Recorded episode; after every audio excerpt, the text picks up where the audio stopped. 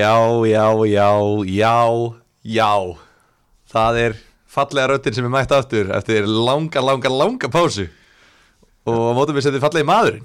Blessaður. Blessaður og takk fyrir fallið trós og ég bara, hérna, ég veit það að það eru margir sem fagna að þú sitt mættur aftur eftir svolítið pásu. Ég er allavega að fagna. Ég veit ekki við þjóðina en, en hérna, ég er allavega komin aftur eftir, eftir langa útlegð og hérna þegar alltaf sendum við til TN í vinnuferð og, og meira, með ímislegt búið að ganga á. Ég bara hef ekki komið í sko public uh, fantabræða þátt síðan bara í september. Nei, þetta er bara, þetta er búið að vera erfitt. Já, all, ímyndaði hvað þetta hefur verið að vera ekki með sko, ég hef bara en eins og við höfum farið yfir þá er Aron náttúrulega með líklana að þessu veldi sem að fantabræð eru og Já. hann reyfi ekki ekki Þú hefur gert honum eitthvað þannig Já, hann er búin að banna þær að koma í allan annan tíma sko. Já, ég er náttúrulega þumalbröðan Já, Það alveg var ég sko hérna, herru, myndum á að spurja, spurja þig út sem læknir, út í læknisfræðilega spurningu tengda þumli eftir þátt okay. myndum á það. Hérna, við erum bara tveir. Það er ekki en þriði maður. Nei, svona er þetta bara stundum. Við vorum bara að taka þetta. Já, og við höfum aldrei verið tveir. Jú, ekki. Ekki, nei, ekki bara við tveir. Já, hérna Spurjum hlustendur, ég held að hlustendur muni eftir einhverjum þætti sko. Ég, ég held að er það? held að það hafi einu sinni verið. En ég er ekki alveg viss. Þú ert svona svo ógeðslega gáðar sko, að bara, uh, það er óþægilegt sko, þannig að það er líklega rétt þér.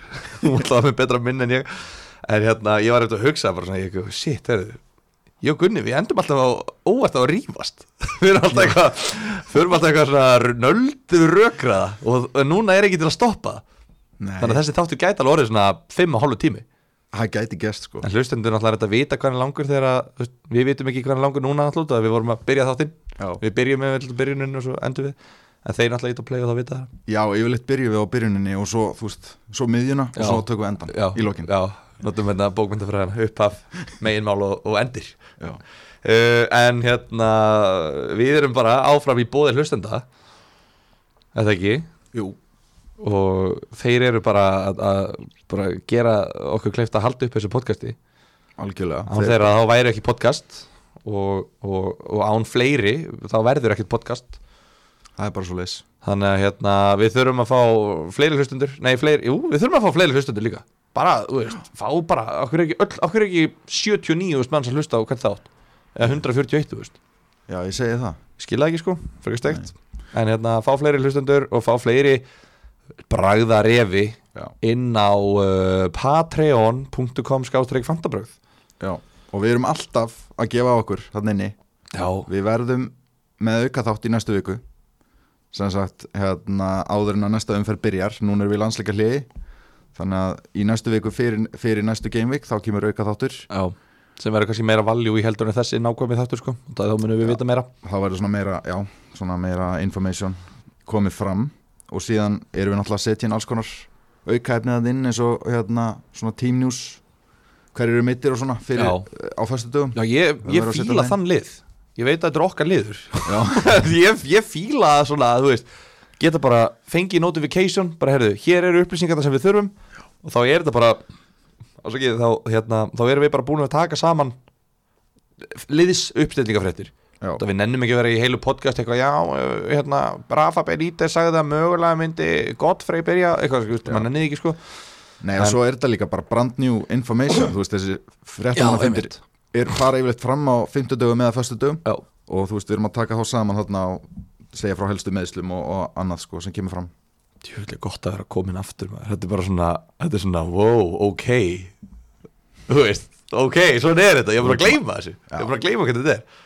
En hérna, já, hvað hérna hvað, Er þetta ekki bara ég, ég er búin að hlusta á þættina En þetta fer samt í einhverja móðu Að vera að hlusta á þetta. Erum við ekki bara, við erum ekkert að fara yfir Leikin eitthvað brjálaslega mikið núna Það er náttúrulega, þú veist, fimm dagar síðan umfyrir hófst.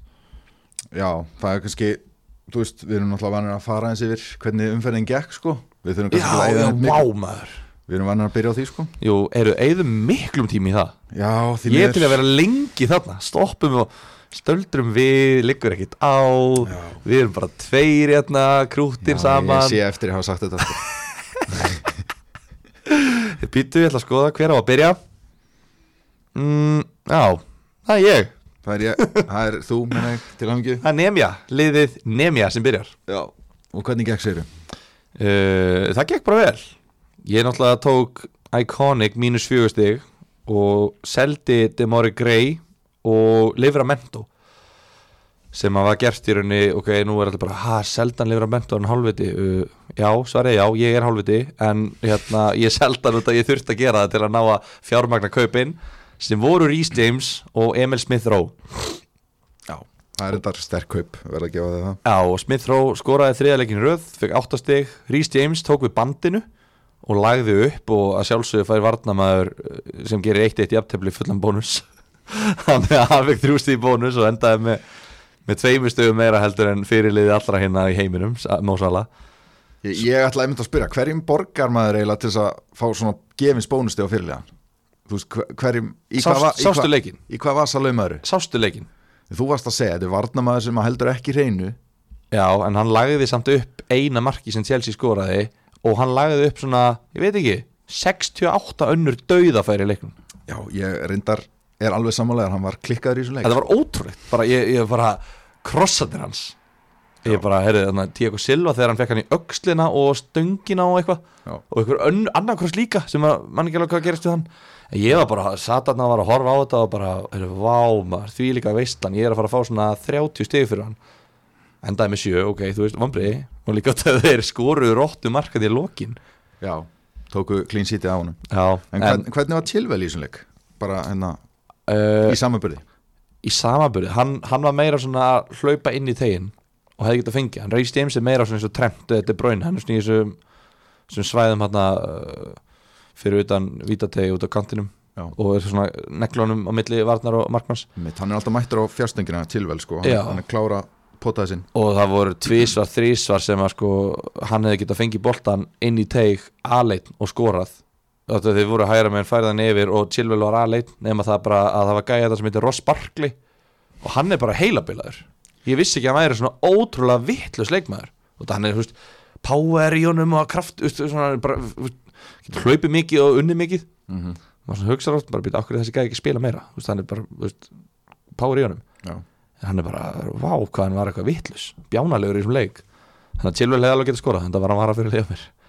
En Cancelo, hann hérna átti stórframistu, laði upp tvö mörg og helt reynu fekk fullan bónus, 14 stig Trent skoraði og lagði upp og fekk fullan bónus 12 stig, Díaz helt reynu Rafinha skoraði og fekk fullan bónus uh, 9 stig.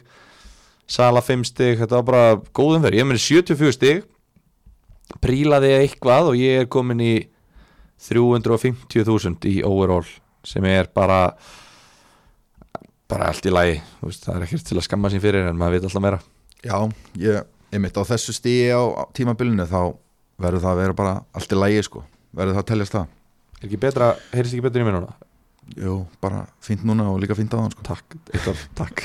En hérna, má- ertu búinn, má ég þá já, segja hvernig gekk þér, Kutur? Heyrði, þetta var nú bara ekkit ósvipað hjá þér sko, ég með Cancelo og Trent þeir skiluðu báðið mjög vel. Ég með Ramsdale í markinu. Hann heldur áfram að tekin Heru, ég glemt að segja að ég er með Sansis í markinu sem er mínus eitt Já. hann var ekki á ásettur á þeir sem ég slefti en hann fekk trúða hérna, mínus eitt, sorry. Já, einmitt. Um, þú er með Ramsdale Ég er með Ramsdale Ertu alveg ánað með þá ákvörðun að hafa spila honum frekar en Ben Foster er Ég meina, ef þú spyr mig, ertu ánægð með það ákvörðin? Já, ég er ánægð með það ákvörðin ég, ég hefði aldrei spilað Foster veist, þetta finnst mér eitt, af því að fólk er ofta að svekja sig á svona stigum á back Mér mér finnst það bara áhugavert, þú skulle hérna, bring it up sko. af því að ef að þú hefðir aldrei spilað leikmannin sem er á backnum þá, þá getur ekki verið að svekja þig á stigunum sem hann er með skilur. Þannig að svona stig á backnum Foster er með 11 af því að hann varði viti hann er á backnum hjá mér, eins og hjá mjög mörgum svona stig svekkja mig ekki sko. það, er, það er bara ef ég var rosa nálætt í að spila honum þá verði svektur sko. En ertu þá ekki á villigötum eða þú ert ekki eins og nála því að spila 11 stigum á, hjá markbörninu það er ekki hægt að predikta hann verði viti skilur. ég er ekki að fara að spila markmannu í Watford á móti Arsenal, hvað er að ræða hérna? Býtu, varst ekki að hlusta þegar Ben Foster var að tala á móti hérna, um Mo Salah Heyrðu ekki það?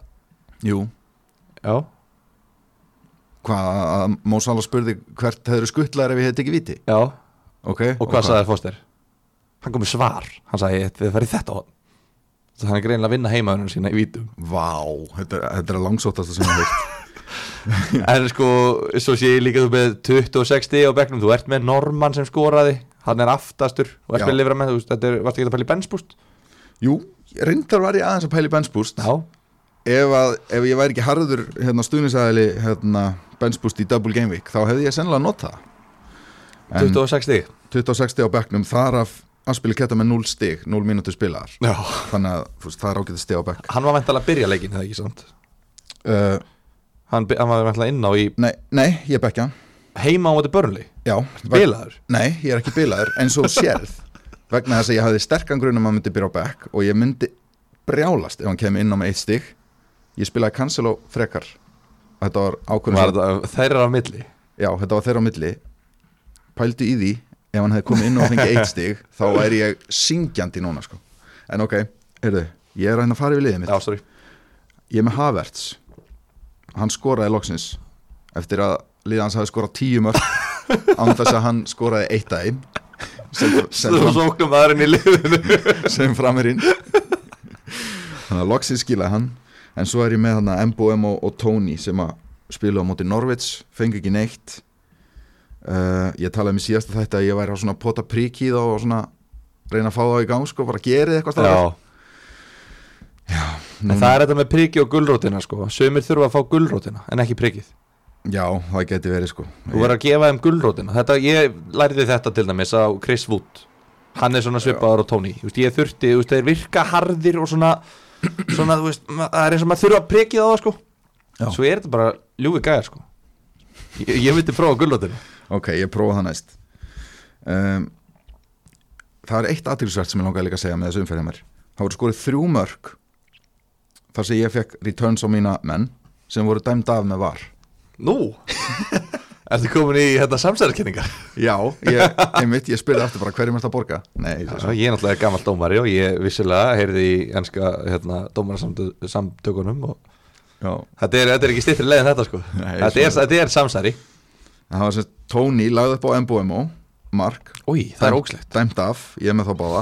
Svo skoraði Saka Mark sem var dæmt af mér út af ránstöðu Það hefði verið geggjustig fyrir mig. Og svo skoraði Lukman eftir assist frá Vardy sem var dæmt af líka Þannig að Já, þannig að þú mistir þarna assist hjá Vardí misti assist á Já. Vardy já. Já. En þá var það svo sem Já, ég ætla að segja eitthvað eitthvað legendary, ég man ekki hvað var Já, þessi tíu mörg sem að Chelsea skoruðu áður en að áður en að Haverk skoraði Mhm. bakverðin skoruðu fjögur aðeim Já, það er rosalega Chilwell 1 og, og Rhys James 3 Já, já, Rhys James eins og, bara sagt eins og það sé eitthvað eðlilegt sko. Hefur, ok, þá erum við búin að fara yfir umfyrirna og kannski fyrir við heildastöðuna í deildinni okkur fantabræðum Já, í fyrsta skipti sögur þáttarins. Þú að fara, fara við það í fyrsta skipti? Hefur ekki að gera, hefur gerum við það Þú ert nú meira fíblið maður. Ég, fyrstur er Hemsson sá besti. Nei, ok, sleppu því. Já, já, sleppu þessu Ég, ég er neðstur á markaðstölu Langt á eftir næstu mönnum. Það breytist bara í næstu, Langt á eftir næstu mönnum. Næstu umferð. Lag, Lagfæri ég það. Lagfæri í það. En já, þú veist hvað erum við að tala um þetta Við erum með sáþandur næstu vilja Livramento helt reynu og veist Bjánar sem að bekkju hann með, Ákveður er skæði ennþá með 22% Já, menn er út nú seini núna út að hann kostar 4,5 Er það ekki Já. lókikina? Ég veit það ekki, ég menna 4,5 er samt fínt verð fyrir hann sko Ég menna gæinn, hann, er- hann er með returns í sjö af síðustu átta leikjum. Já, alveg rétt. Það er ótrúlegt. Hann er búinn að skila annarkort marki, assist eða clean sheet í sjö af síðustu átta og hann byrjaði í 4,0 Þú veist, Já, er þetta er rosalegur. náttúrulega bara bilað og þú veist, ég selda hann á 4,2 Já, þú veist, þannig að ef ég tek hann aftur þá tek ég að vera 4,5 þú veist, ég er frekar full yfir þessu að hafa selda hann. Mhm. en ég ákvað bara að hérna veist, ég, ég er búin að hugsa þetta ég hugsa þetta í byrjun hvers einasta tímanbils ok, ég ætla að vera með 5 luxus varnamenn. Það er alltaf planið mitt. Að spila keta er búin að vera þarna oft og það er alltaf í topp 5 yfir varnamenn. Mhm. kostar alltaf svona 5,5 til 6,5 eða svona 6 til 6,5 ég er svona, á ég ekki bara taka hann og hafa hann? Hann deliver alltaf á endanum. En svo fæði maður eitthvað, nei, ég ætla að elda hérna fixtures og ég ætla að elda þetta, mi, mi, mi. Svo getur ekki að elda þetta þú veist, ef þú ert að elda fixtures þá ert ekki að vera að spila Cancelo og útivellum móti mannjú Nei. sem eru með eitthvað taka á sitt í alltaf en svo bara búm, hér er 14 stig já, og það er kannski bara 10% af öllum stigum sem mann fær á tímabilinu mm. í þessum eina leik skilur, þetta er, þetta er 3% af leikjanum í deildinni og þetta er 10% skilur, þetta, bara, mm. þetta bara gengur ekki upp þannig að nú er ég komin í bara varnalína mín er rosalega núna sko. það er bara, ég mun ekki fá með eitt mark í viðbútt Cancelo, Chilwell nei, já, Cancelo og Díaz úr City, Chilwell og James úr Chelsea og Trent úr Liverpool. Já, þetta er bara rosalegt sko. Búm, hérna, og þú fjagst náttúrulega rosalega stiga á hana bara strax í já, þessar umferð. Er sko, allir nema Chilwell skiluðu rosalega. Ég meina samt er ég með Sala ég með De Bruyne, ég með Rafinha ég með Antonio, ég með Jimenez ég með Smith Rowe á bekknum. Og svo Sissoko og veist, þetta eru bara 5,5 miljón krónar luxusgæðir Mhm. þú færið þetta ekkert skilur maður er eitthvað elda þetta Demóri Grey og Gallagher og eitthvað. Af hverju er maður ekki bara með vartumenn Já, segi það. Er það, ertu við sammála eða, er mm, Sko það sem að ég er sammála þessu vissu leiti en það sem að blekkir aðeins er að þú getur fengið geggja valjú í 4,5 og jafnvel 4,0 varnamönnum þú færð það ekki í miðjumönnum reyndar, allir miðjumenn á 4,5 sökka sko. reyndar. Þannig að það er punkturinn sem gleymist en annars er þetta alveg rétt þú ert að segja en ef þú nærða að spila veist, þarftu eitthvað að fá valjú úr 4,5 þú veist, þarft, af hverju þarf maður 4,5 vardamann bara til þess að geta eitt meiri pening fram á því til þess að hafa efn á sala og kannski einhverjum fleiri premium hérna miðju eða sóknamönnum þegar þeir rökk í gang og vera geggjaðir sko. þeir eru bara ekki geggjar ekki eins og er. Þannig að veist, við erum með Mane með 59 stig Son með 58 og Fernandes með 52 og Vardy með 60 Þú veist, Mm. Aubameyang með, sko, við getum farið í Aubameyang 38, Ronaldo 38 og Kane 27, ég ætla ekki að fara í þá. Ok, þetta voru hvað, 50 til 60 stig? Er það ekki? Jú, Og svo erum við með Vardamenn sem eru helmingi ódýrari. Uh, 53, 49, 49, 48 Þú veist, Þetta eru bara 10 stig fyrir helmingi að ég veit ekki, veist, er En ég ætla að, þegar ég er með rökrétta hugsun fyrir tímabil, þá hugsa ég þetta alltaf og svo byrja tímabilið þá bara, já ég verð að taka mín sjóra maður réttlættir það og svo bara, nei, veist, þetta er aldrei þess virðið heila. Mm. Veist, ég seldi Livramento til að geta keift James. Ok, jú, ég fekk eitt stig meira fyrir en, og, og tvö stig fyrir fyrirlegan hann að þú veist, bla bla bla ég endaði að fá þrjú stig út úr þessu en það kostaði mig fjögur stig. Þannig að, veist, þetta er svona já, þú ert að fara að vera með hann lengi í liðinu sko, þannig að já, en ég hefði geta gert, gert þetta tra- transfer núna. Já. ekki verið mínus. En allavega, þetta var sáþandur næsta villa. Uh, þetta var sá að það varst að vilja uh, mannsessi slagurinn er kannski einhver leikur sem við verðum að ræða. Við verðum ekki að ræða alla leikina þetta en þessi leikur, þú veist hvað, hvað svör fengum út af þessu? Sko, við fengum bara þetta er bara nákvæmlega eins og ég bjóst við eiginlega þú veist, maður bjóst bara við því að City myndir yfir hennar leik. Ég meina, það segir hann sem mikið að, að þú veist, ég sem United maður spilaði varnamanni í City í þessum leik og reynda fekk hellingastegum fyrir hann. Tvítir ekki maður samt ekki yfirleitt. Já, ég meina, Heyrðu, ég bara veit ekki hvað að segja um hennar leik ég meina, þegar að mannjú tapaði 5-0 á móti Liverpool þá Mhm. var vinnu minn er með Sala og setur trippul kaftin á Sala á Old Trafford og hann heldur með mannjú já, ok og fekk hvað 63 eða 78 eða eitthvað 119 ég man ekki hvað þetta voru mörg stið sem hann fekk fyrir Sala sko. þetta var bara af, veikt. af hverju gefum það? og það hann vildi tvítryggja og það mannjú sökka og Liverpool geggja þær og hann bara er, ég vil ekki horfa hann að leik nema Sala sér trippul kaftin svo skora hann þrjú og leggur um eitt og fær bara eitthvað 21 stig eitthvað, það var ótrúlegt Já. En svona bæði Volker og, og Cancelo voru geggjaðir í þessum leik þeir, voru, þeir voru rosalega mikið að koma fram og þú veist, finnst þeir í þessum leik lita ekkit verður út heldur en James og Chilwell sem eru bara þú veist, eins og við vorum að tala um bara varnamenninir eru að líta rosalega vel út núna. Einmitt. og með Chelsea og City sem eru bara búin að múra fyrir. Já, þú kemst ekkert mikið að þessu. Ég veit að City var að tapa 2-0 á móti Krista Palace í einhverjum prumpuleik. Og þú veist, jú, ég fengi á sig mark á móti Brighton líka í leiknum þar á undan þetta og þetta Edison fekk heila blófallin á vellinum en þú veist, fyrir utan það þá er þetta bara þú veist, ógislega þétt. Þannig að, ég veit það ekki. En já, þetta var kannski ekkert nýtt sem við lærum þetta var bara flott. Uh, Bernardo Silva, er eitthvað valjú honum með það? nei. Nú, já, ok. Eða, veist, ég, ég er ekki að pæla í honum. Ég meina, ég held að hann sé ekkit allt í norðin einhver rosa markaskorari sko. Eitt leikmaður er það sem er búin að lækka um 0,1 sem er kannski orðið valjú núna og hann er búin að lækka um 0,1 uh, Erik Bæli Nei, takk. Komin neyri 4,9 með mínus 2 heldastegi eftir 11 umferðir. Eh, Ég vona bara að sérst að grína Mínus tvö stig overall. Ég meina, ef þú- 4,9 ég meina, ef þú ert búin að spila eitt leik og ert óheppin að skora sjálfsmark í þeim leik hann var reynda að deilum hvort hann hafi verið óheppin því þetta var mjög, mjög heimskulega gert hjá hann þá er, veist, þetta gerir stundum við sjáum þetta stundum. Ja, Einn hálfleikur líka. Já. Þetta var ótrúlega sko Hérna, já ok, það var kannski ekkert mikið nýtt úr þessu. Brentford Norvits uh, Ég hef ekki mikið náhuga að ræða þetta sko. Það er bara Steiktu sigur. Ógislega fyndi reyndar að Norvits að reki farki eftir. Þú veist, þú er búin að spila tíu leikja án sigurs. Já, og, þú ert, og svo vinnur og þá ertu reikin og svona, ok, ég er kannski bara það. En þetta virkar þetta ekki svona? En bara alltaf, þetta svona skýtur alltaf skökku við. Já, þetta er pínu skrítið sko en svo hugsa maður þetta lengra. Núna eru landsleikja hlið núna er tími fyrir, fyrir á til þess að endur skipuleika sig og svona þannig að þetta, bara, þetta var bara fyrirfram ákveðið saman hvernig þessi leikur hefði farið. Já. En sko, Tony og Mbuemo Nú er ég búin að vera svolítið framal á Mbuemo vagninum undanfærið án þess að þó taka hann inn. Já, Ég er ekki á Tony vagninum en veist, hva, þú ert með báða. Ég er með báða, já. Hva, hvernig líður okkur gagvart þessu öllu? Bara mjög illa og ég hef sérstaklega mikla á að gera Tony sko því að hann er, ég var að skoða tölfræðina hans hann er, þú veist, í hann er í 30. sæti yfir XG í dildinni sko sem er bara Vá. mjög lélegt það er mjög margi framherjar uh, fyrir framann hann sko. Og núna er búið að hérna einmitt, þeir eru að vera búni með þetta geggjaða prógram sem maður keipti þá fyrir. Og það er ekkert að gerast. Reyndar finnst mér sko MBM með betri tölfræði. Og hann er búin að eiga einhver 6 eða 7 stangaskott Já, reyndar þannig að þú veist, er, ég held að hann sé meira óheppin en Tony, hann er bara ekki að skjóta markið, hann er bara í einhverju svona linka upp hlutverki Já. og þú veist það besta sem maður getur vonast eftir frá honum er assist eins og staðan er núna sko.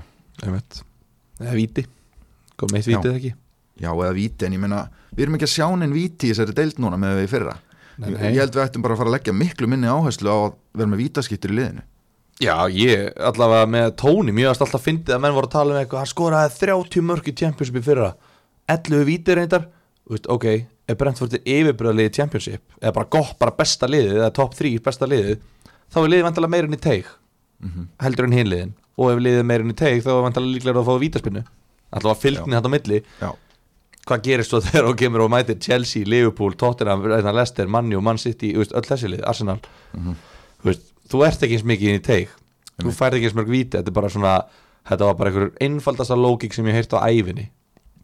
Þannig að hérna, já Ég, ég er sammála með bara aðra vítaskiptu líka. Þetta er einhvern veginn já, þetta er bæði þessi faktor sem þú nefnir og líka bara almennt séð í deildinni. Það er bara miklu minna vítum. Já, það þarf bara miklu meira til það er mitt til þess að fá víti núna. Uh, Og svo er náttúrulega ræja bara dáin. Lest í gær á sjúkrófasitt Þannig að þú veist að það er spurning með varnamenn Hvort að það sé eitthvað valjú Nei, bara stutt á sverið nei, ég meina, þú veist já, við sjáum bara síðustu tveim leikjum, þeir eru búin að fá á sig hvað, fimm mörg á móti Norvits og Burnley í þessum síðustu tveim. Og það er þessi tvei leikir sem að ræja eftir að ræja datt út úr Já. markinu þannig að Þannig að þetta takit saman Embo, Emmo, Tony, selja. Tony er að detti selja. Ég, Hann er ekki komið ángað þá. Ég meina, það er svo erfitt að selja hann að því að hann er svo ódýr, hvernig ætlar að kaupa í staðinn? Vinnans, Pukki Party.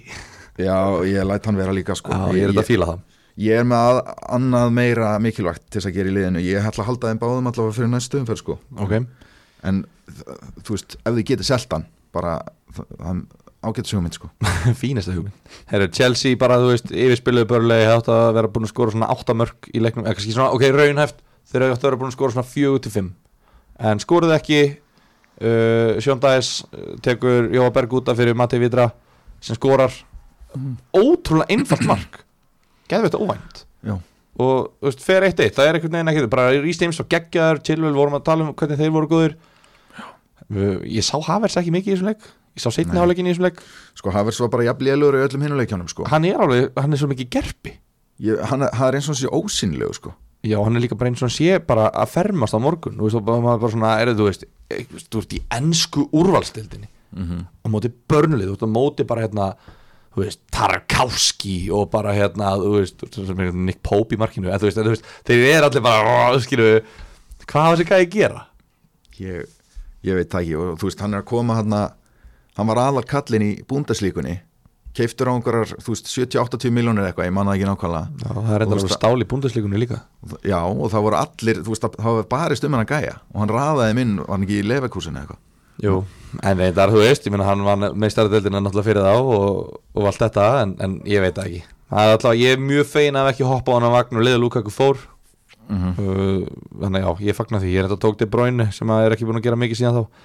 Uh, Krista Pallas Wolves uh, Já, kannski bara nefna Lukaku og Werner gætu verið að koma núna tilbaka eftir landsleikallið, það var alltaf síðast sem að, ja, síðasta sem við heyrðum þannig að Havertz gæti verið bara að fara á bekkin sko, eins og hann á skilið. Herru, Krista Pallas Wolves. Wolves eru bara þetta er bara frekar pirrandi lið. Þú veist, það er alveg pirrandi að vera með Jimenez í liðinu til dæmis og þess að hann hvang örgla ég er með Jimenez, Mhm. ef þú ert með hann ef Wolves skorar þá er Jimenez að koma nálægt í málega bara, Wolves er ekkert mikið fyrir að skora meira en eitt mark í leik þannig að hann er alveg, ég meina, hann er alveg búin að vera að skila sín í tókan, ég er alveg ánað með hann. Það er bara svo leiðilegt að eiga hann. Þetta er svona, þetta er svona, þú ert að reyka fyrirtæki þú ert með eitt gæja sem er alveg drullu góður í sínu starfi. Hann er ógsta leiðilegur. Þú er bara svona, ok, ég virði þig fyrir þú veist, framlagt þitt til fyrirtækisins en ég þólið þig ekki. Þú veist, ég held að allir í einu svona gæja, er það ekki? Jú, örglega sko, þetta er svolítið fyndin samlíkinga því að, þú veist mér finnst heiminn er svo geðveitt likeable náungi sko, alltaf brosandi og veist, fjallmyndalegur Já, já, já. og hann lendi í þessum meðslum og maður varkinur honum og svona. En, en ég, ég bara horfa á sko frá fantasy sjónamið tölur og nöfn og alltaf inn á vellum ég er með mancross á Jimenez sko. En bara, já, bara sem fantasy bara sem, sem nafn og sem lið Wolf, svona appelsinu lið sem að er að spila eitthvað 3-5-2 eitthvað sem gerir bara svona ég veit ekki, jú, er ekki 3-5-2 en þá jú, ég held, jú, þeir eru hann að tveir. En allavega, þannig að þú veist, Wolves er bara svona uh, fyrir að döl lið eitthvað neginn uh, Mér finnst samt sko ég er ekki búin að vera með Fang og Jimenez og mér finnst þetta alltaf vera að poppa upp í notifications hjá mann að þeir sé að skora sko. Ég er já, ég, ef ég er með Tony, ég myndi hoppa á fang bara á no leitni sko, já, bara, ég myndi hoppa á hann. Og líka bara, veist eða nei, prógramera er endar ekkert sérstakt. Þeir eru að fara í frekar, frekar umlegt prógram næstu tíu leikir, svona heilt yfir uh, en Krista Pallas, Gallagher er að minna á sig núna. Já, og Gallagher bara því líka viðsnúningur sko frá eins og bara síðasta tímambili og hann er bara, hann er að viðhalda þessum bæði, bæði tölfræðinni og bara stigasöfninni hann virðist bara vera nokkuð solid sko með við þetta verð líka, 5,8 held ég núna. Já, þú veist það er hann og kannski Smith Rowe sem að er á þessu verðbili sem að eru, þú veist góði kostir myndi ég segja. Hann alltaf býra sömu sko, sömu hérna, sa, býra því sama og, og Tarek Lamptey og Billy Gilmore sem hann alltaf er að nýtast þessum öllum til þess að skara fram úr í, í úrvastildinni og, og fantasy kannski helst. Þannig að hérna, veist, við veitum náttúrulega hvað það er. Þannig að það er svona, þú veist já, það er eitthvað. Uh, Lamptey er náttúrulega komin líka inn frá meðslum og, og hérna, þannig að hann er heitur líka. Þeir eru allir sjóðandi heitir í dag en þú, þú sagði að Gallagher var að kólna út af endprodukti og hann er farin að föstu leikadröfum þú veist, ég er ekki að segja hvað þú sagðir ég er ekki í- þannig ekki núna en veist, hann er, er hann orðinn heitur aftur eða veist, er þetta svona heitt og kallt leikmaður eða þú veist, hvað gerðist? Náttúrulega, sko, ég held ég að sagt þetta í hvenær var það? það er all, mánuði síðan eða eitthvað. Það- það kom alveg svolítið tímabil þar sem að hann var ekki að skila neitt. Og bara undirliggjandi tölfræðin stutti það já og líka, ég, þú veist, ég tók eftir því einmitt að hann hafi verið að taka allar aukarspinnur var búin að missa þær. Og svo var líka einhver hérna vangaveltu með að hann væri miklu lélir þegar Milju Vójevits er inn á vellinum. Já, að hérna, hann var að taka honum förstu leikadriðin og hlaupa hlaupin hans og svona. Já, þannig að kannski þegar hann er laus við hann á vellinum að þá bara performar hann betur sko. Já, einmitt. Hérna og svo kannski bara sjá þetta á Hemsson með Saha bara til hann ekki með, með hann og með ykkar, ykkar samband, þetta er bara fallegt og bara svona ástæðsaga sem allir dreymir um. Hann er bara heitur, hann er bara flottur. Bara fjögur mörg og bara hérna 1, 2, 3, 4, 5, fjögur mörg í síðustu 6, 90 mínúna leikum, leikum það er bara flott í honum. Mér finnst bara bæði Gallagher og Saha að vera ansi góði kosti líka upp á næstu einhverja nýja tíu leiki eiga er einna besta prógrami í deildinni sko. Já, þetta, er, þetta er sexy program Þú veist, Aston Villa og Leeds og Everton og svona Watford, Norv Vá maður, þetta er geðveitt program Ég er alveg að taka þess að einhvern tímann, fljóðlega. Ég hef ekkert að segja um Brighton Newcastle, ekki neitt. Lamti eins og það sagðir, hann er að mæta aftur kostar 4,4 spilar hann að vingbakk og hann er alveg áfram jafn, graður að fram á við eins og hann var í fyrra sko, að hann er ekkert eðla græða sko. Hann er ekkit eðlilega grað sko. Hérna, uh, kannski uh, Robert Sanchez hann er að fara í einsleik spannið ekki? Jú, hann fer í eitt leik og hann að stíl er varamarkmaðurinn og hann er að fara að spila. Hann, þetta er ástæðan fyrir því að maður er með varamarkmann í sama liði og aðalmarkmaðurinn. Maður er með 4,5 aðalmarkmann og varamarkmaðurinn er 4,0 ságægi já, út af því að ef að, veist, að því þú vilt bara þú ert búin að ákveða það, ég ætla að spila 4,5 miljón krónar markmanninu mínum. Mhm. og þú veist, ég ætla bara að spila honum alltaf ef maður er með 4,0, kannski foster eða eitthvað sem er að spila, þú veist hann getur hvernig sem er missætið sko. já, einmitt, en ef 4,5 miljón krónar markmannurinn er ekki að spila þá er hinn að spila, þú veist, nákvæmlega, þetta er bara, þetta er bara ákveð fegin að vera með Robert Stíl nei, Jason Stíl, meina ég okkar, okkar fans, diggir aðdándur þeir vita þetta af hverju- heitir hann ekki Robert Stíl? bara því að mamma skýrði hann ekki sko. Jason Steele, mér finnst það fárlega en já, okkar diggur hlustuður, þeir vita þetta Já. En ég er enda búin að selja Sanchez. Þegar við komaði aftur. Svona í ljó svona, eftir þess að löngu ræðu um hvað væri góður að vera með hinn á bekknum. Já, nú get ég valið. Ég kaupa hann aftur. Ég, bara, ég hef komið svo ógeðslega gott lið að ég hef ekkert að gera með að selja hann. Arsenal, Smith Rowe er Arsenal og Arsenal heldur hreinu líka. Kaupið vartamönn í Arsenal kaupið Smith Rowe. Fylli liðið eitthvað af Arsenal mönnum þetta er topp fjóri lið, þeir eru að fara í meistaradeildina. Þeir spila ótrúlega bolta treystum ferlinu, Arteta veit hvað hann að gera. Klúburinn er rísandi. Þú veist að Aron er ekki hérna sko. Nei, ég veit hann hlustar, ég veit hann er þumalbrotin já, og ég er svona, þú veist langaði hans að illjónum. Já, mér langar illunum, Já. hjartarætur. Þeir eru glóð heitir sko. En sérstaklega vörnin myndi ég semst, mæla með. En ég var nú aðeins að renna fyrir þátti yfir tölfræðina ég ger það stundum. Og hérna Smith Rowe er ekkert með sérstakka tölfræði sko. Jú, ég rak augun í það. Jú, jú, jú. Að hann er með semst, 0,84 expected goal involvement í síðustu fjórun leikjum sem þýðir að samkvæmt tölfræðinni hefði hann átt að koma að 0,84 mörgum í síðustu fjórun leikjum annarkvort að skora eða leggja upp. En hann kom að fjórum. En hann kom að fjórum þannig að hann er að, hann er að overperforma mikið þannig að við gætum séð þetta dala svolítið. En Eða tölfræðin aukast. Kannski er Ívar þessi Kannski er hann bara að spila illa núna og, og samt með þessi returns. Og kannski er hann bara það góður að eins og Kane Kane þarf ekki skot upp á 1,0 xg til að skora eitt mark.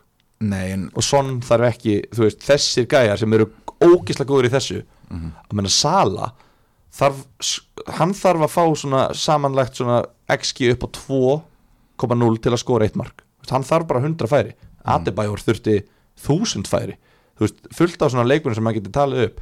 En kann, ég, veit, ég hef bara ekki séð smið þrjá að spila. Ég hef bara ekki tekið eftir honum einu sinni. Ég hef heyrt að hann sé góður að rekja boltan hratt og eitthvað. En það er ekki stig fyrir það. Þetta er, er geggjaði punktur af því að þessi tölfræði, XG og XGI þetta miðast bara við meðalmannin þannig að eins og tökum leikmann eins og Son eins og þú segir, að hann þú veist með lítið XG, miklu líklega til að skora heldur en aðrir með sama XG Einmitt. En- þú fær bara þar sem að boltanum er sparkað alveg saman hvort þú heitir Son eða Gilvi Tryggvason. Já, farið sama við XG, sama XG en, en það er ekki það náttúrulega- líkur eða skorið. Nei, við veitum að það er svona 30% líklar ég skori heldur en Son. Já, einmitt. En einmitt, ég held að Smith Rowe sé kannski ekki alveg komin á þann stað að hann sé langt yfir meðalagi góður í að klára færi sko. þannig að þess vegna held ég að þetta sé svolítil heppni og svol- svolítil purple pets sem hann er að fara í gegnum en þannig er þetta bara með aldursfordum er það ekki? Þú ert bara að segja þetta út af enn ungur og út af því að það er ekki talað með henni sem þessi þú veist ekkert um það þannig kannski ekki beint aldurs fordóma en það tengist því að hann er ungur og hann á eftir að verða betri sko. já, ok. Uh, Everton, Tottenham, bla veist, það er engin með neitt nýsum liðum eðlilega. Við verðum að tala um Tottenham. Conte, Conte, frábært. Sko, ég er með smá heimaðinu varandi þennan leik. Að, veistu hver að fremsti maður Tottenham í leiknum? Samkvæmt svona heatmap. Svona heatmap? Já, það er, svona punktur fyrir meðalstaðsningu hvers leikmanns. Hver heldur hann hafi verið með fremsta punktin hjá Tottenham? Uff maður. Uh, Oliver Skip, nei, Re Bergvin. Regilon. Í alvörinni já, Regilon. Ú. og, og hann Emerson Royal sem er hinn vangbakverðurinn var líka rosalega ofalega þeir eru að koma mjög ofalega vangbakverðinir í systemin hans konti og ég er mjög spenntu fyrir þessu. Þeir eru báðir ódýrir Regilon er á 5 Emerson minni mig á sama. Það er 4,9 4,9 þetta getur verið gott og þó að XG hjá Tottenham hafi verið látt í þessum leik þá vorum við að sjá Kane inn í tegnum mjög oft sem að hann hefur ekkit endilega verið að gera. Hann hefur komað mjög mikið tilbaka um, bæði undir Mourinho og Nuno. Þannig að ég er svolítið bjarsitt fyrir þetta prógram sem er að koma. Þeir eru að fara að spila heima leik á móti Leeds í næsta leik síðan útileik á móti Burnley. Burnley, svo heimaleik Mótið Brentford. Brentford og svo heimaleik á móti Norwich. Já. Þetta er náttúrulega styrla program og Og svo ég, tekum við útileikir mótið Brenton og, Nei, Brighton og Leicester sko. Já, ég er að pæli að selja hinn ískalda Vardí og taka bara inn Kane. Í taka, alvörunni? taka smá séns Já, ok, þeir þetta ætti að skora mótið Leeds og rægjalösum Brentford og Norwich. Það kannski skoraði ekki mótið Leeds Það væri gott á þig ef að Leeds myndi gefa þér clean sheet í smettið. En já, mér finnst bara að þú veist, leikmennir í tóttunum Þetta bara liðið er bara svo lélegt eitthvað. Og bara, ég heyri til dæmis Líklega besti íþróttaþjálfari landsins var að, Ég var að ræða við hann um daginn. Og var, hann var að segja mér og ég er alltaf að sækja fróðleiki hann og þetta er bara eitthvað besti íþróttaþjálfari landsins en ég held ég get ekki gefið upp námið uh, og hann var að segja mér ok, Gilvi þjálfari getur ekkert haft einhver úrslita áhrif á lið eða leikmenn. Þú veist, það eru leikmennir inn á vellinu sem að vinna alltaf að titla og vinna allt og þjálfarinn fær alltaf kreditið. Það er ekkert rétt á sér. Þjálfarinn ákveður heldur að rek, skilur við ekkert alltaf þannig. Hann segir, þjálfari getur verið svona 15% gert liðið svona 15% betra eða 15% verra með sinni framistöðu og ég held bara 15% betra Riki Lón eða betra varnarlega tóttunum ég veit það ekki. Ég sé það bara ekki gerast. Ég, sé, ég held það sé ekki nóg. Já, en sko, þeir hafa verið hræðilegi varnalegu undanfarið, fengið á sig mikið af mörgum svo sjáum við, þeir voru með Everton var með eitthvað 0,3 í XG í þessum leik. E, Tottenham voru mjög solid varnalega þannig að, veist, við höfum oft séð í þessari deild, gengur hræðilega. Liðið rekur þjálfana sinn kemur nýr þjálfari og það verður eitthvað svona new manager bounce og liðið verður miklu betra sko. Þó það sé bara tímabundið, tók ég alveg þetta gjörsanlega breytt í sínu liði sko. algjörlega. Og núna bara, ég er að pæli að betta bara á að konti fá allavega smá svona góða byrjun fyrir, í þessu góða prógrami, ég held að sé margt heimskulurinn að veiða það. Já, kannski. Herru, uh, Leeds Lester uh, uh, við erum ekki að tala um þessa leiki sem voru að eiga sér stað, við erum bara að tala um liðin. Leeds, uh, Rafinha er bara flottur Rafinha mig bara mjög góða tölfræði. Það er reyndar svolítið að harna prógrami hjá þeim. Þeir eru búin að vera léttu prógrami en hann er náttúrulega bara hann er eini maðurinn í liðinu sem getur gert eitthvað. Bamford er bara meittur, hann er bara heima. Finnst þér að vera harna næstu fjóru leikir, erstu búin að sjá þá? Lestu það bara upp. Tottenham, Brighton, Krista Palace og Brentford. Já, ég myndi segja að næstu því væri alveg frekar erfiðil sérstaklega fyrir lið sem er að ströggla já, kannski. Er svo kemur. Chelsea, City, Arsenal, Liverpool sko. Já, þannig að, já, ef manni finnst næstu þrýr vera ströggl, þá eru sjú af næstu átta ströggl þannig að, en það góða við Rafinha er að, þú veist, ef að þeir ætla að skora þá verða þeir að gera það í gegnum Rafinha. Allir hinn er bara, þú veist, Jack Harrison hann átti sína hérna, tíma á síðasta tímbili fekk sinn samning og Núna- núna er kassaði vel inn. glataður. Daniel James heldur áfram að vera Daniel James í United sko. Já, hvað heldur menn? Auðvitað er þetta sami Daniel Dims hann, semst, já, hann breyttist ekki í einhvern annan leikmann Ó. við að færa sig yfir. Takk fyrir þetta, sérfræðingur. Já, en Rafinha skora náttúrulega bara veist, hann er búin að skora á móti Everton, Newcastle, West Ham Norwich og Leicester. Ég meina West Ham og Leicester er alveg erfið prógram og Everton alveg mögulega. En hann er ekki að skora á móti Manni, hann er ekki að skora á móti Liverpool. Hann er búin að skora tvísvar úr aukarspilnu nánast við hlýðalínuna með svona fyrirgjöf sem lekur í fjærhóttnið já, reyndar, er búið að gerast tvísvar alveg rétt. Herru, ok, en það er allavega eini leikmaðurinn og Leeds eða Leicester sem ég myndi að taka. Ég er ekki einu svona að horfa á Leicester. Þó ég sé hérna að Harry Barnes hafi skorað sem ég var nú með í byrjun tímabils. En mér er bara drullu saman því er, þetta var 11 eftir leikurinn og hann skoraði eftir 11 umferðir. Og hún fokkaði Barnes. Já. Sammála?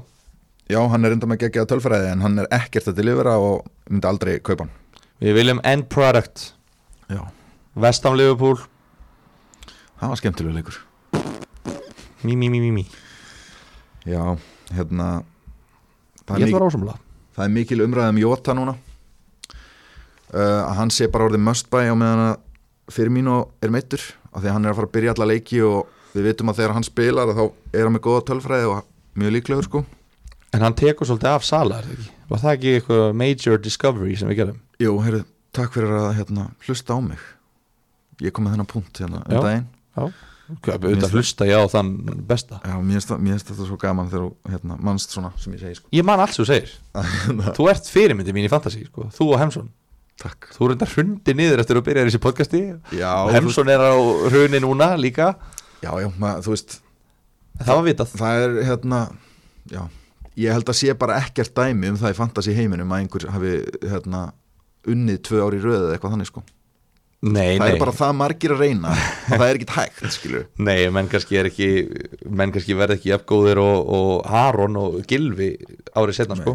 Þú veist, ég endaði í 27.000 síðasta tímubili Já, þú endaðir í 27 Þannig að þú veist, Það er bara geðvitt endilega gerðu meira að greina mér sko.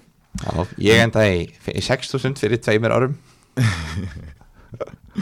Býtu, ég man ekki eins og hvað vorum að tala um Jota og Sala. Já, þú, varst að varst að byrja að tala um að Jota verið must buy og ég er svona að fara líklega að countera það en kláraði punktin Já, bara, já, ég raunin bara að hann er alltaf með góða tölfræði þegar hann spilar. Vandamáli er bara að við vitum aldrei hvort hann er að fara að byrja eða ekki út af þessu fyrir mín og vandræðum. Hann er að flækjast fyrir honum hann, stela honum mínútum.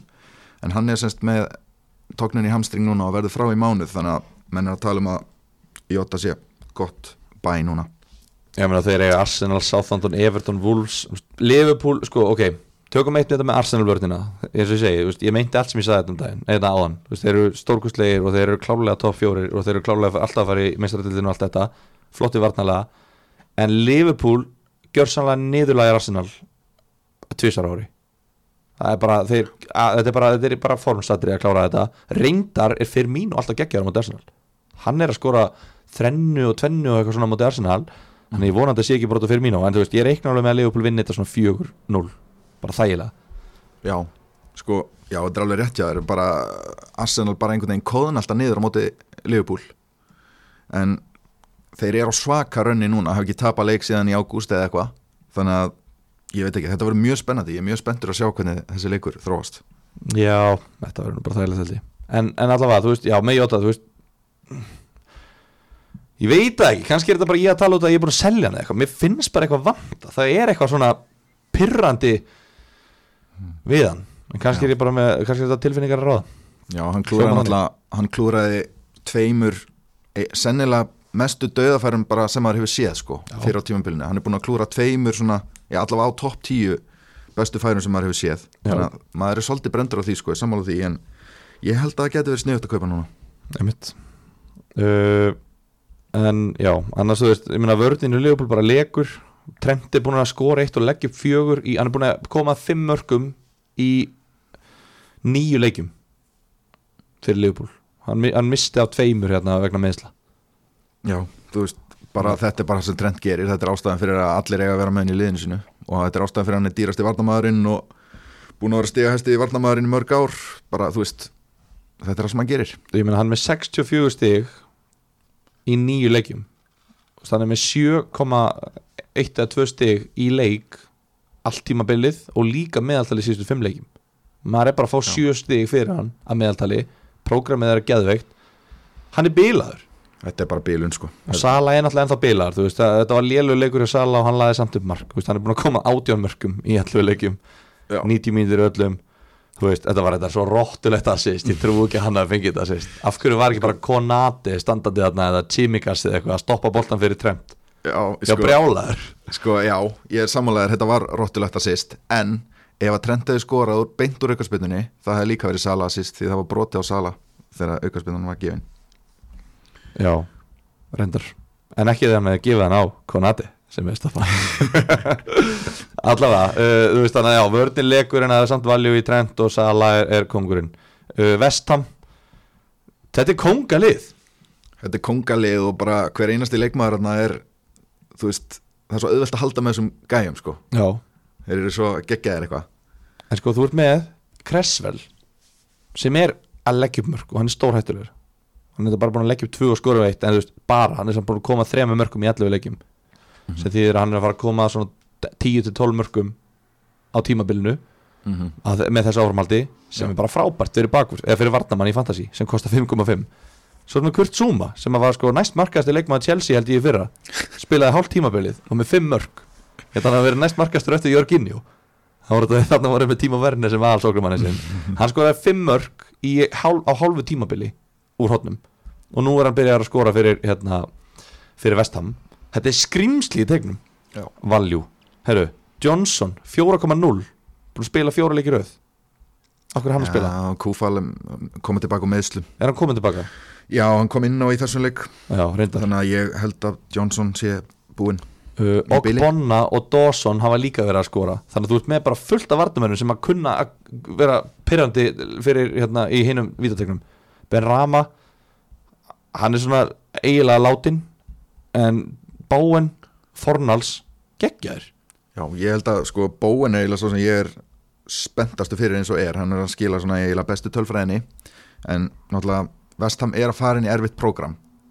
Og ég ætla allavega persónulega að horfa annað á meðan að þeir fara í gegnum það prógram Og mögulega að taka einhvern veginn eftir það. En ég er náttúrulega með Antonio eins og margir.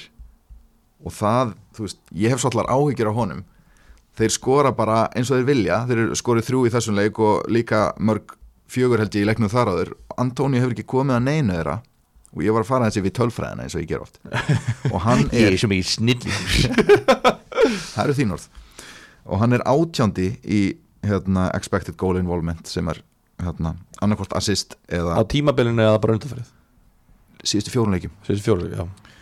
Þá er hann í átjandasæti fyrir hérna, expected goal involvement og þú veist, ég bara hef ágjör af þessu. Hann er bara, af því að þetta er statskongurinn, þetta er gaurinn sem við höfum alltaf séð óvænt í fyrsta sæti fyrir þetta.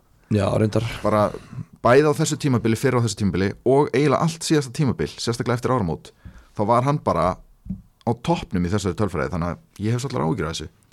Hann er með 21 stig í síðustu sjö umferðum. Mhm.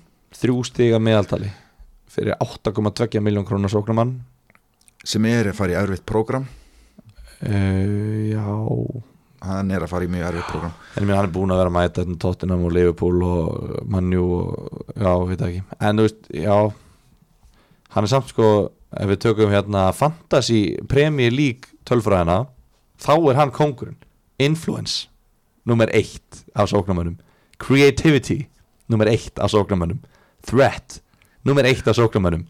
Influence, Creativity and Threat Index nummer eitt já. af sko, mér, öllum sóknarmönnum og nummer tvö af öllum leikmönnum í deildinni. Og við getum gískað á hverju nummer eitt, nummer eitt. já sko, ég bara ég allavega horfi aldrei á þessa tölfræði Nei, nei, ég er líka smá að fýblast maður veit ekkert hvað er á bakvið þetta og fyrir mér er þetta bara eitthvað drasl sko. Eh, þannig að ég skoða þetta allavega ekkert persónulega sko. Nei, ég veit ekkert, þú veist, þú veist ekki eins og sjálfur hvað þetta þýðir sko. bara creativity, hvað, hvað er eiginlega á bakvið þetta þrett er allavega svona skora creativity er svona leggju upp og influence er svona ekki stoppa núna. Þetta, veist, þetta, er svo, þetta er svo, influence er eitthvað annað. svo lélegt sko. það, þetta, er, þetta er svona sirka það sem þetta þýðir. Ég veit það svona sirka. Pff, þetta er bara, mér er illt sko. Herðu, þá erum við búin að fara yfir öll liðin. Uh, ekki bara taka spurningar rætt eins og við gerum alltaf? Jú, en maður ég hérna ég er með nokkra punktar sem þetta eftir að koma inn Já, lofið maður. Ég hef allan tíma í heiminum fyrir ykkurna minn. það var viðtal við Eddie Howe, nýja stjóra Newcastle. Hann sagði aðtiklisverða hluti hann sagðist alltaf að spila sóknabolta með fjögra manna vörn. Newcastle hefur ekki spilað fjögra manna vörn í svona þrjú ár. Þeir eru sennilega lítið búin að æfa hana og þeir eru bara með slaka leikmenn líka til þess að veist, þeir eru ekki með leikmenn til þess að spila mikinn sóknabolta uh, þeir eru bara með Callum Wilson og Saint Maximin. Restin er bara slök og ég held að þetta gæti mögulega orðið einhver veistla sko allavega fyrir sóknarliðin. Fyrir sóknarliðin sem er að spila á móti Já, já, það er góða punktur. Og þeir eru að fara að spila á móti Brentford í næsta leik. Þú veist, kannski verður eitthvað new manager bounce og þeir verða góðir en mér fannst þetta allavega svolítið sko ef þeir ætla að fara í fjóramanna vörn og þeir hafa verið að leka veit. þeir hafa verið að park the bus grimmilega sko þannig að, þannig að mér fannst þetta hljóma svolítið Það er samt fyrir pyrranda þegar ég er sko Brentford, Norvits og Burnley heima þrýr af næstu fjórun leikum já, lítið þetta hérna. Þannig að þú veist, jú, þú ert náttúrulega með þess að tvo hérna uh, meistara og Já. ég er með Smith Rowe en hann verður náttúrulega búin að drilla liðið sitt fyrir eftir fjóraleiki Já, Nei, ég veit ekki, þeir verður ströggla til að kaupa bara líkilatri eins og ég var að tala um með, með hann geggjaði í, íþróttu þjálfara að hérna þetta snýst um leikmennina, já, það snýst ekki um þjálfaran það er viskumóli Og svo er ég með annar móla hérna. Að Cancelo Er með flest skot í síðustu fjórun leikjum Af öllum leikmannum Shit, maður.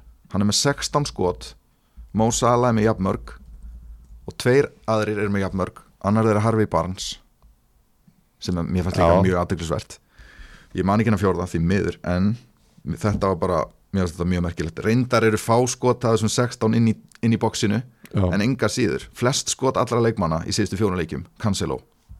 Já, Það er svakalegt. Shit.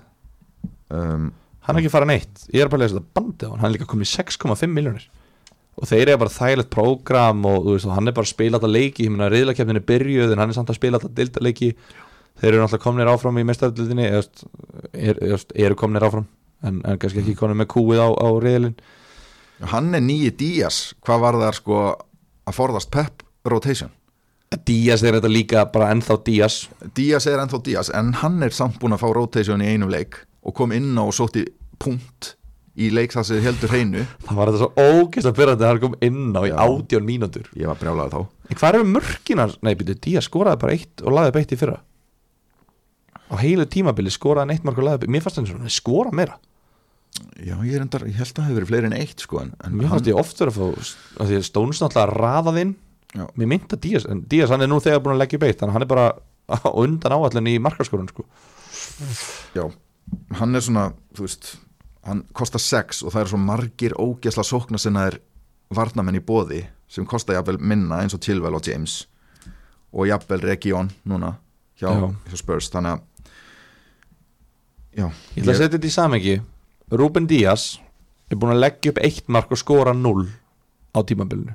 Og hann er búin að vera kvildur í einum leik. Að hann er ekkert búin að vera að gera neitt mikið annað heldur en bara spila og halda hreinu. Ok, hann er með 49 stig. Hann er með uh, fleiri stig náttúrulega heldur en Aubameyang, Ivan Toney uh, hérna, Jimenez uh, Ronaldo uh, hérna, Kane og allir þessi gæðar hann er með 49 stig uh, ma, hérna, hvað erum við að tala um hérna? Við erum að tala um Bruno Fernandes sem er 52 11,7 miljónir Rafinha með 50, 6,6 Saha er með 48, 7 miljónir þú veist, hann er hann er bara á sama pari og veist, margir á þessum leikmunum Bruno Fernandes, það er ennþá hann er ennþá með 18% eignar hlutvall það er nú bara döðlið sem er með hann. Yeah. hann er samt búin að skora fjögur og leggja upp þrjú. Mér finnst þetta bara mjög hérna, aðteglisverðið punktur sko. Er Hann- hann sé- ekki búin að gera neitt Nei, sóknarlega hann, einmitt, hann er ekki einn af þessu varnamennu sem er að skila eitthvað sóknarlega en hann er samt með svona mörg stig, það er mjög áhugavert sko. og því svo er þetta með Cancelo sem er sko næst stigasti leikmaður leiksins. Mm og eftir alltaf Sala sem er með 117 stig og næsti leikmaður þar á eftir með 67 hann með næstu tvöföld stig á öðru sættinu sko. Ég bara man ekki eftir að sé leikmann dominera deildina svo mikið. Ja, bara, einmitt, það er ekki hægt að lýsa honum sko. En það, við erum ekki hér til að segja fólki hvað hann er góður sko, ég held, það vita það allir sko. Já, þetta er bara svo magna Býtu, Já, er tala, segðu eitthvað núna geggja fyndið. Ég ætla að fara í eina, eitt mission hérna. Gilvi, ég var að klára hérna punktana mína sem ég setti hérna upp til þess að geta bætti við einum í viðbútt um, það er náttúrulega mikil umræðum líka Son vs. Kane. Það er líka einn umræðapunktur af því að þeir eru að fara í þetta geggjaða prógram sem við fórum yfir áðan Son er náttúrulega 2 miljónum ódýrari eða 1,9 og þeir eru ekkert með neitt ósvipaða tölfræði. Þeir eru með svipað svona XG og, og hérna XGI þannig að í rauninni finnst mér þetta bara hérna ráðast á því hvernig, eða þú veist, hvor passa betur inn í lið hvers og eins. Ég sé ekki það mikið mun á milli þessara leikmanna á, á einhverju potensial og stegum þú veist eins og ég með Vardí sem er rándýr og er ekki að skila neitt. Þess vegna finnst mér hann vera leið til þess að taka inn Kane og ég sé, það er svona erfiðara fyrir mig að ná inn Son, þannig að það er svona raukin fyrir að ég tekki Kane frekar. Hvernig fannst þér þetta? ég ætla ekki að svona þykast að hafa heyrt eitt orð af þessu en Hlustar þegar þú kemur heim bara. Ég ætla ég, mínúta 50 og eitthvað veit ekki, ég ætla að hlusta á þetta og ég bara vona að þetta hljómaði mjög sniðugt. Já. ég held að enginn hlusta þetta hafi tengt að því ég heyrði bara Son og Kane og ég held að sé enginn í þeim pælingum. En ég er þeir ætti náttúrulega að vera. Ég er náttúrulega a great uh, math teacher.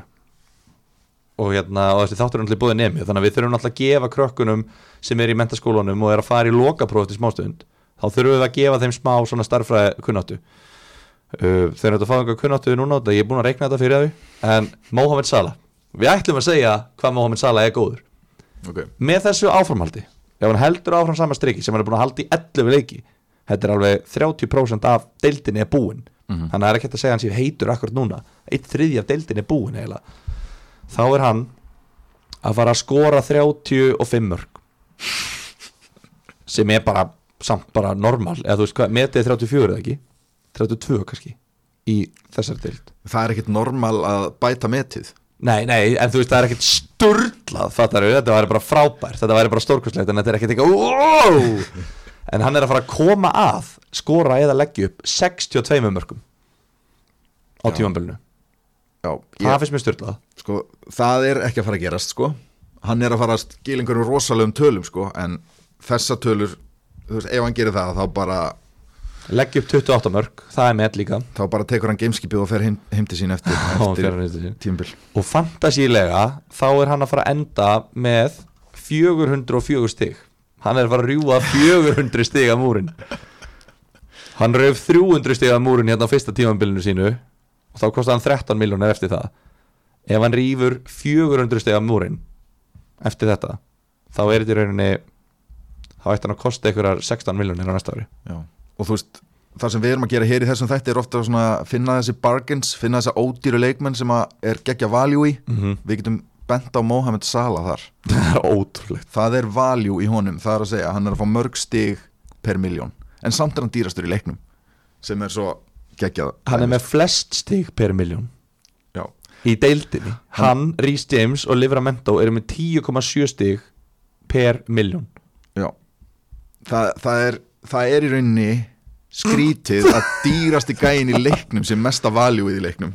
Livramento kostar 4,0 Já. þú veist það er samvikið og, og, hérna, og Rhys James sem er þessi búin að spila bara hálft tíma og hann er búin að meittur hérna, 1, 2, 3, 4 leikir sem hann er búin að spila eina myndu samtals. Þannig að ja, þetta er veikt sko. styrla en, og pælum í því líka Rhys James er búin að spila fjóra 90 mínútur í 11 leikjum.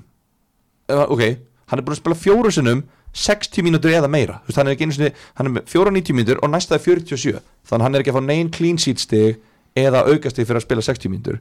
Fjórar af 11 90 mínútum en hann er með 63 stig. Mm. hann er með einu, einu á eftir Trent hann er fjórum stigum á eftir Cancelo. Þetta er algjör þrugg sko. Þetta, algjör er kjaftaði. bilað, hann er búin að skora fjögum og leggja upp þrjú. Já, og ég, ég keipti Chilwell fyrir umferðina sem að leið síð, sem síðust umferð og ég sé svolítið eftir ég hafa ekki tekið James frekar en ástæðin fyrir ég tók Chilwell frekar var að þessi menn munu alltaf byrja einhvern tíman á Það, veist, þeir, þeir eru í þessu rotation systemi hjá Tuchel og James hefur svolítið verið að koma inn á í lokin og fá eitt stig. Á meðan að Chilwell hefur eiginlega ekkert komið inn á. Þannig að ég leit þannig á bara þetta eru mjög svipaði leikmenn svipaði tölfræði. Um, það er betra að fá einhvern inn á bekknum ef þær eru bekkjaðir heldur en að fá James inn á í lokin og fá eitt stig. En ég sé samt eftir í núna því að ég held að James sé betur kostur bara annað. Hands down. Miða við því nú er ég bara að reikna ég er bara að reikna yfir mig, það er svo stutt í prófin. Ef að Rhys James með, með, með við mínútufjölda núna bara mínútufjölda, og það stigar er villandi í mínútufjölda en bara mörg sem hann hefur skorað með við mínútufjölda. Og ég veit þetta og þetta ég er uh, búin að vera að reikna þetta núna á tíu sekundum uh, ef hann myndi spila allar mínútur 90 mínútur í 38 leiki og halda þessu marka hluta þetta fram þá myndi hann skora 29,8 mörg í deildinni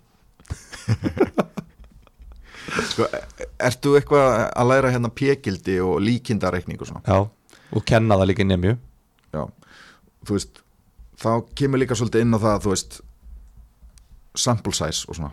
Já, þú ert með rosalega fáa leiki það þannig myndi að, líka leggja upp 22 mörg já, Skora 30 og leggja upp 22 eins og að þú ert með leikmann sem spila eitt leiki við tímabilið og skorar í honum tvö mörg þá getur sagt samkvæmt þessar, þessum rökum að ef hann hefði spilað alla leikinu tímabilinu þá hefði hann skorað 2038 mörg yfir tímabilið. Mm 76 Já, Maketa var með skoraði þarna þegar hann mótið ástofilla þegar hann skoraði sigumarki Já, þetta, þetta segir bara svona small, eða svona lítið sample size. Það er, getur verið villandi. Já, ekki eiðilegja þetta samt. Þetta er rosaleg discovery þú, hérna. þú veist hvernig okkar vibe er. Við þurfum alltaf að countera hvort annars Ég veit það. Herru, uh, en þetta var samt svo leiðilegt komment að ég ætla að reyna að komast heim bara sem fyrst. Ok. Nú erum við búin að vera hérna ekkert eðlilega lengi. Þetta er okkur bara klukkutíma eða eitthvað, cirka uh, Það er gaman hjá okkur. Samt spurningar eftir. Herðu Liverpool Sporting Director Michael Edwards mun yfirgefa félagið eftir þetta. Það eru góða fréttir. Sko svona hlutir veist, Michael Edwards sem engin veit hver er þetta er bara gæði sem lítur út þessu umbósmaður tónlistanfólks mm -hmm. þú veist fer, en þess að sporting director. Þetta er alveg, þetta er lúk, þetta er alveg hljóma professional titill. Er þetta ekki gaurinn sem seldi æp og svo lengi fyrir 10 miljónar punta? Er þetta ekki hann eða? er sporting director svo sem sé um transfer eða? Ég veit það ekki, það er allavega einhver snillingur á baku tjöldin sem seldi þessa menn fyrir 10 miljónar það er eitthvað kongur, eitthvað dáleiðari eitthvað með að doktor í dáleiðslu Já, þú og, og gaurinn sem fór í hérna í fyrra, hvað heit, Brewsterinn líka? Já, Þetta er allt bara kettir í seknum fyrir allan peningin sko. ándjóks en samt sko, þú veist, svona gæði fara og maður bara veit ekki neitt hvaða wow, margar spurningar. Ok, við höfum svona, ég geð þér svona þrjár sekundur, Það er hraðaspurningar. Þetta eru hraðspurningar Þú voru að svara líka þá. Nei, ég spyr, Þetta er spyrillin já. Ef við tökum hérna FNÍF blöð. Þú þegar Lógi Bergman spyr spurninga Já, keppendur byggja hann ekki um að svara líka sko. Hann spyr, keppendur til svara. Þú ert að kunna þetta.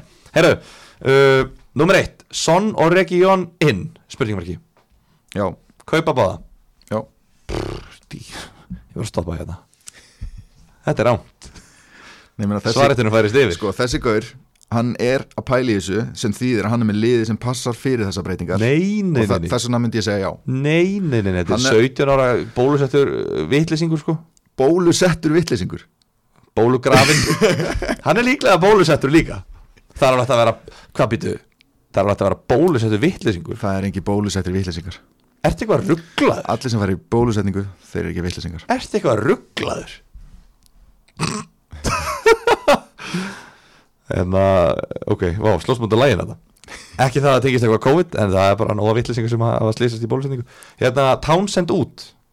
Já, Já, hvernig á hann að taka inn í staðinn? uh, Gallagher. Ok, uh, á hann að selja á að selja Rudiger fyrir Rhys James og taka mínus fjóra fyrir það? Já, mínus fjóra? Átti ekki fritt transfer, gamli? Hann þarf líka að skipta reyja út. Já, ekki með, ekki með annar markmann Þá væntanlega. Nei, ég ekki. Ég veit ekki með mínus fjóra Það er á, það er á Ég veit það ekki. Ok, Gabriel Jesus inn fyrir Vardí Já, kannski sko. Þú veist, það er ekki það mikið af góðum framhörum en þú veist Mér finnst alveg, það gengur alveg upp. Uh, er galið að selja Antonio ef maður vill færa peningin á miðjuna? Nei, við vorum að kofra þetta uh, í fyrir í þættinum. Eða það er eitthvað sem hlusta bara á spurningarnar sem er alltaf galið en þá vorum við að tala um þetta satt fyrir í þættinum. Uh, hvort er meira urgent að kaupa Diogo Jota eða að kaupa Son eða Kane? Vá Sko þetta er bara akkurat það sem ég er að pæli í þessa Mhm. dagana sko. Já. Hvort er meira urgent? Sko ég er, ég er að pæli að taka hitt til þess að ná bæði Jota og Kane inn. Þannig svarið er bæði. Já, í rauninni sko. Alright uh, við náum ekki að renni yfir þetta allt í það maður. Uh, markmaður fyrir Sanchez. Og af hverju er það gvæta? Já, þetta er eitthvað grínspurning. Já, það er ekki Hérna, Eh, Sko Sanchez er bara eitt leik í banni þannig að þú veist að gera transfer fyrir markmann, ég veit ekki hvort það er worth it sko, þó þú sért ekki eins og með markmann sko. Já, þetta er svona, já, ég, fæ, ég las ekki setni hlutin, þetta er svona grínspurning Hvaða markmann á ég að selja fyrir Sanchez og af hverju er það, af hverju er svarið gæta Já, ég skil Þetta er svona eitthvað, þetta er svolítið vinsaltin í dag, maður sér þetta oft uh, Gefa Vardí séns, þú veist, er ekki bara, er ekki bara skila Vardí eða? Er hann ekki bara búinn í dag? Sko hann á náttúrulega Chelsea í næsta leik þannig að maður er ekkert að búast við einhverjum flutasýningu þar en Hann á síðan, alltaf geggja prógram eftir það. Síðan, já, síðan á hann gegja program þannig að það er alveg hægt að gefa hann séns. En hann er bara kaldur, ekki búin að vera nálægt í að skora og mig langar að prófa að taka Kane þannig að þú veist, ég er að fara að selja. Ok, uh, Saha Hann er með hann. Ok, bara, bara spurningin er Saha og Gallagher Doppul upp í Kristapalas, er það of mikið? Já, Samanlega, uh, Gallagher eða Smith Rowe Gallagher. Smith Rowe, segi ég. Uh, Er ennþá sniðut að taka þrjá mannjuleikmun Nei, ekki núna, þeir eru ennþá að fara í gegnum erfitt prógram En eftir svona þrjá eða fjóra leiki Hann er byrjun desember Eða miðjan desember eða eitthvað Þá fara inn í léttara prógram Og þá getur verið tími til þess að taka Ronaldo til dæmis. Já, það er samt aldrei sniðut að vera með þrjá mannjuleikmun Það hefur aldrei verið sniðut Það hefur alveg verið Já, sniðut kannski fyrstu tvo leikina Núna, þegar maður heima mútið lítið sér 5-1 seri Það er ekki sniðut þessa dagana, nei. Nei, og bara eiginlega enga daga. Hérna Halda Sint Maximin Er það ekki bara, þeir eru að fara að spila sóknarleikum með Eddie, hérna, Eddie Rowe? Eddie Há Eddie Há, Eddie Rowe, já Smith Rowe, Emily Smith Rowe, já, vá, Eddie Há Langt sér ég, ég var bara að gleyma sig gæði var til, sko. En er ekki bara að halda fyrst að hann ætlar að fara í sóknarbolta og eitthvað bla bla bla Ég myndi gefa hann sjans vegna þess einmitt að næstu þrý leikir eru geggja fixtures fyrir þá. Þannig að, og þetta þú veist, hann ætlar í sóknabólta einmitt. Þannig að ég myndi gefa hann sjans. Aubameyang eða Laga Ég vona að þessi gæði sé að spurja á ég að taka annarkot, eða ætti ég að taka Aubameyang eða Laga sett eða eitthvað svoleiðis? Fyrir ekki að segja hvort á ég að taka Aubameyang eða Laga sett? Því þá er þessi gæði á villigötum og þarf að lítið speil og naflaskoðun og hætta að spila leikinn og bara lesa aðeins nokkar bækur og skoða þetta eins og bara flytja eitthvað annað og koma svo aftur tilbaka tví eldur og endunherður Já, já ég er bara nokkuð sammálaðir Já, flott. Hérna, Ok, þá erum við basically búin að cover þetta þú veist, Besta value í, í framherjum. Mér finnst ekki value í neinum eiginlega. Nei, Ég myndi bara jafnvel segja Jimenez Já, ekki er að Tony allavega sko. Í framherjum. Um, Já, það er einmitt það, maður myndi frekar vera maður er svolítið meira að horfa í valjú í miðunni sko. Já. Þannig að valueð er bara í uh, vini Arons Dennis. Það er ekki bara taka einhvern Dennis eða hérna einhvern svona bara veist, mjög gott. Ég er endar, mér finnst smá value í hérna gæðan sem ég var að taka í núna. Cameron Cameron Archer. Spila 90 mínútur á móti Southampton. 9-10, 90 án já. 19 4,5, hann er búin að koma inn á þrísvar hann er í Aston Villa sem er þetta að fá nýjan þjálfara um, bara spilandi 4,5 framherji. Það er vaxið ekki á trjánum. Þeir vaksa ekki tránum, þetta eru sannlega eini. Já. þannig að ég, ég, ég er bara ánægð með að hafa farið í hann, ég veit hann spilar ekki neitt. Ég er með ennþá Musa Sissoko sem að ég held nú að væri að fara að delivera ég held hann væri að fara að taka hérna, var hann ekki njúkastu þegar hann var á kantinum alltaf eða var það tóttinum nei það var tóttinum eða ekki? Hann var bilar, hann var hérna bara þú veist, 2013-14 kemur hann að nýju mörgum 2014-15 7, 2015-16 9 það er langt síðan, hann var aldrei að fara að gera neitt. Hann er búin að vera bara döður hjá Spurs í nokkur ár. Þannig að Já, þetta var nú bjart sinni hjá þér. Hann er samt búin að vera að skila mörgum bara, er bara staðreindir þannig ég held að hann væri kannski ekki í 0 og 0 í 11 leikjum sko en ég, já, ég viðkynna það. Þetta var misreikning, misreikningur hjá mér. Hann að það er kongurinn á miðunni hjá Norvits hann hérna Norman, hann er valjóð á miðunni en semst 4,5 miðumenn byrju, akkur lítur þú fram með Billy Gilmore sem er með Lamptey og Gallagher áhrifin? Af því að hann er með 0 mörg og 0 assist. Já, og líka bara 0 mínútur í síðustu 6 leikjum. Hvað er að gerast? nákvæmlega. Heru, hann þarf að fara já þá sko já, ég seldi eh, hérna kongin, hvað heitir hann, Sanchez. Hann bara, tók inn Alex McCarthy, þeir eru að Norvits úti í næsta leik. Já, og ég er að pæli að selja svo bara McCarthy eftir næstu umferð og kaupa aftur Sanchez Þú veist, ég, bara, ég er með engin vandamál í liðinu. Ég er bara fárálega sáttu með jafnvægið og bara fárálega sáttu með liðið mitt. Þannig að ég er bara að taka bara einnan hættu gaman eða einnan helga gaman með, með hérna McCarthy og fara svo bara aftur. Hvað svipur þetta, ég hef aldrei síðan svip. Hvað þetta, er bara, þetta er bara mestu luxus transfer sem ég hef heyrt á ævi minni. Já, henda markmanni og kaupa hann svo aftur Mm. og eftir. Þetta er bara já, þú hlýtur að vera virkilega sáttu með liðið þitt sko. Ég er það. Ég Já. er bara ógisla sáttu með liðið og þú veist, næst, liðið mitt lítur út bara salaði fyrirliða moti Arsenal heima. Þú veist, Smith Rowe er á bekknum sem er samt búin að sko, skora í þremleikjum í röð. Eiginlega sko gæðin sem er líst verst á í þessum leik er eiginlega Rafinha móti tóttina móti. Mm. þú veist, hút með hann inn á já, og Smith Rowe á bekknum á móti hverjum áttur Liverpool og Anfield. Já, já, nákvæmlega já. en sem eru samt, sko, ég ætla að skipta. Rafinha skorar ekki á móti stóru liðunum eða á móti, já, ég er þetta alltaf ég, Tottenham og Arsenal, já, svo er þetta með þetta. Á ég að kalla þau stóru liðin eða ekki? Þetta er bara svona, svona branding skilu þetta er svona eins og þegar Nokia hætti að vera stígvila fyrirtæki og fór að vera síma fyrirtæki mm. þetta er alltaf stígvila fyrirtæki fyrir okkur á gamla skólanum veist, við munum aldrei hugsa um neitt annað en stígvila fyrirtæki, þú veist, N1 er ennþá SO innst inni. Þannig að ég veit ekki, Rafinha er ekki að skora á þessum liðum, ég ætla að kæla hann.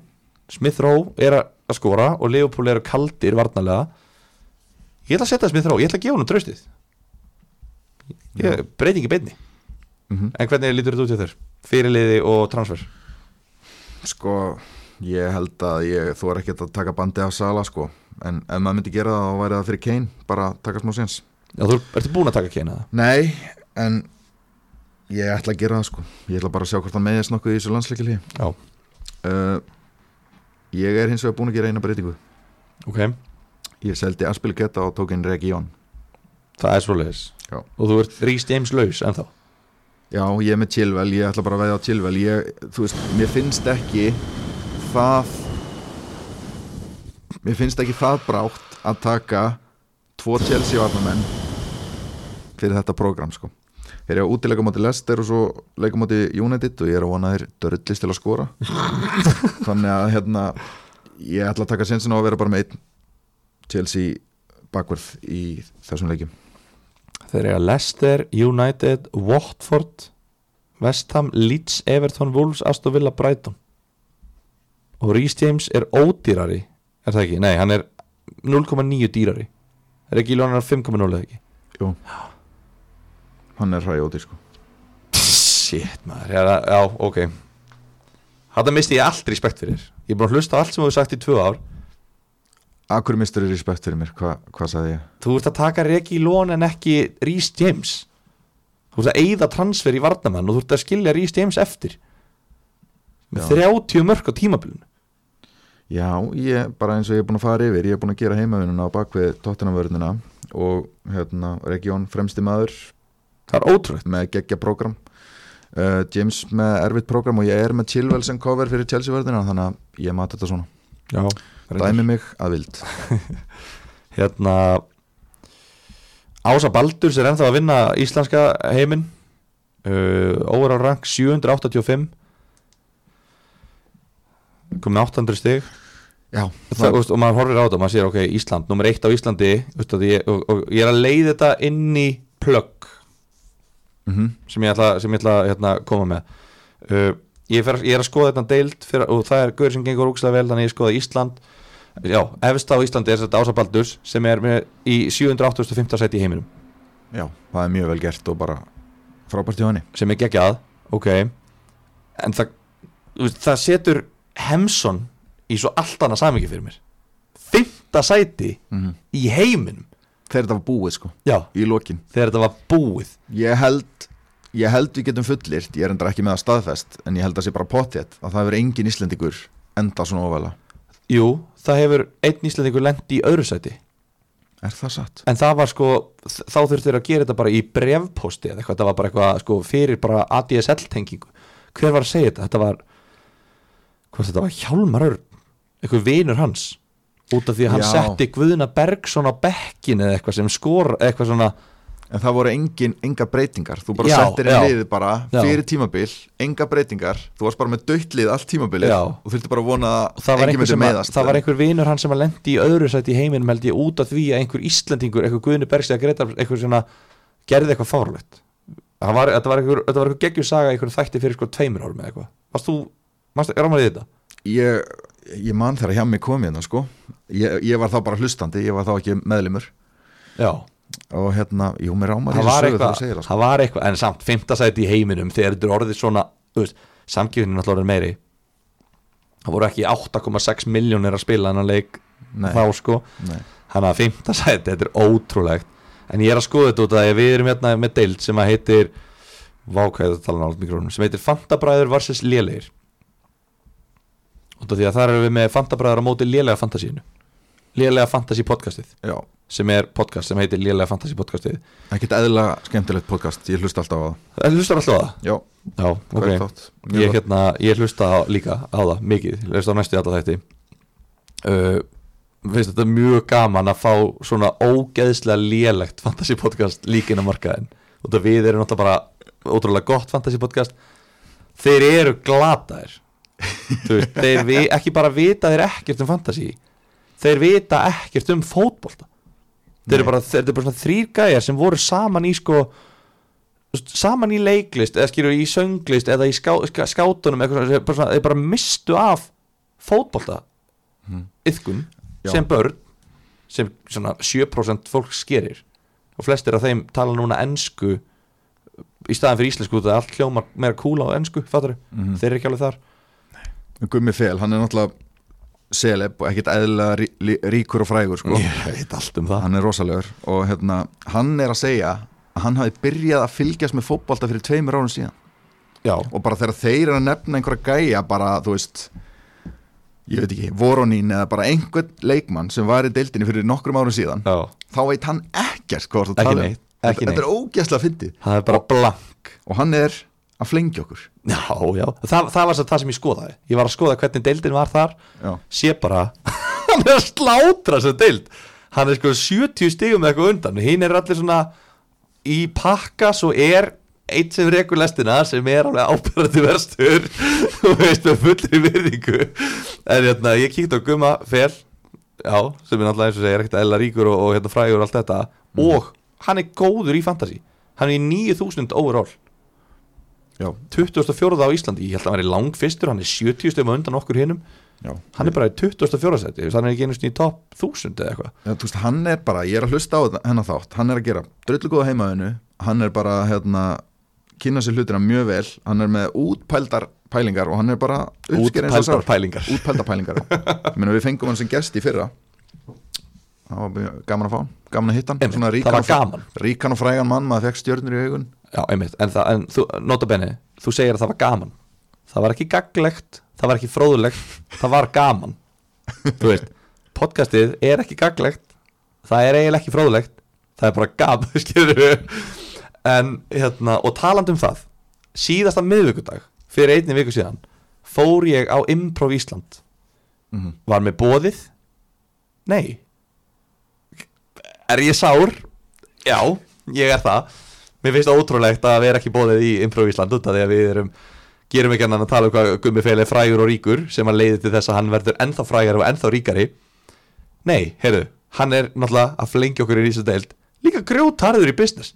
Bara, heyrðu, þú borgar fullgjald þú og kærastæðin, hann er mjög harður. Þið borgi fullgjald og við setjum þetta á fremsta bekk og ég grét úr hlátri. Þú veist, þetta var, þetta var, ég hefði alltaf borgað tvöfald sko, þú veist, valjúið í þessari sýningu er ótrúlega, þetta er alltaf sama sýning. Nei, þetta er aldrei sama sýning, þau eru farið á svona?